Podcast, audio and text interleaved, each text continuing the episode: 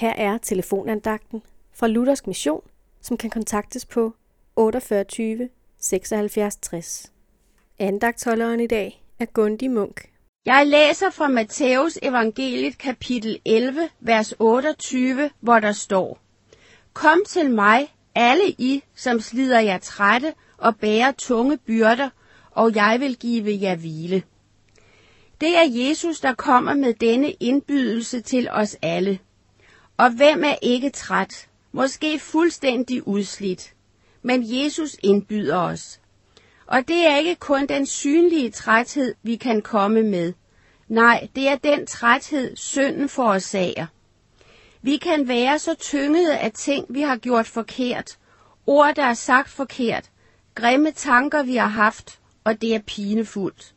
Men Jesus siger, kom til mig. Det vi ikke kan eller tør sige til andre mennesker, kan vi sige til Jesus, for der er intet han hellere vil end tage vores byrder.